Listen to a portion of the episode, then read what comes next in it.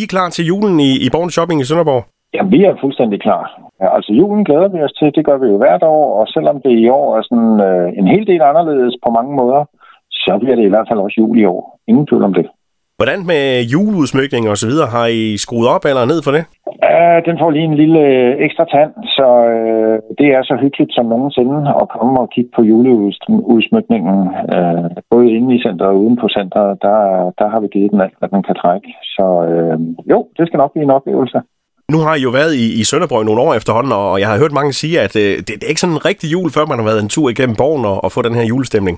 Men, men det kan man så også roligt gøre i år. Øhm, jeg, jeg vil dog sige, at øhm, man skal lige være lidt opmærksom i år, fordi tingene er jo ikke helt, som det plejer at være. Og, øhm, og jeg ved jo også, at der er rigtig mange, der ligesom tænker, jamen er det nu, øh, er det nu både trygt og godt at gå ud og handle sine julegaver i butikkerne? Og til det vil jeg jo bare sige, at det kan det i absolut høj grad være.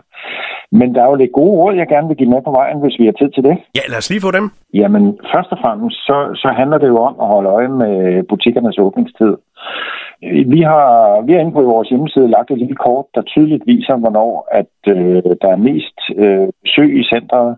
Og, og det, jeg kan sige videre her den øh, tirsdag morgen, det er jo, at øh, alle ydertimerne er jo gode og, og trygge timer, hvis man gerne vil være sådan helt sikker på, at man ikke lige møder det halve af Sønderborg, når man er på sin indkøbstur.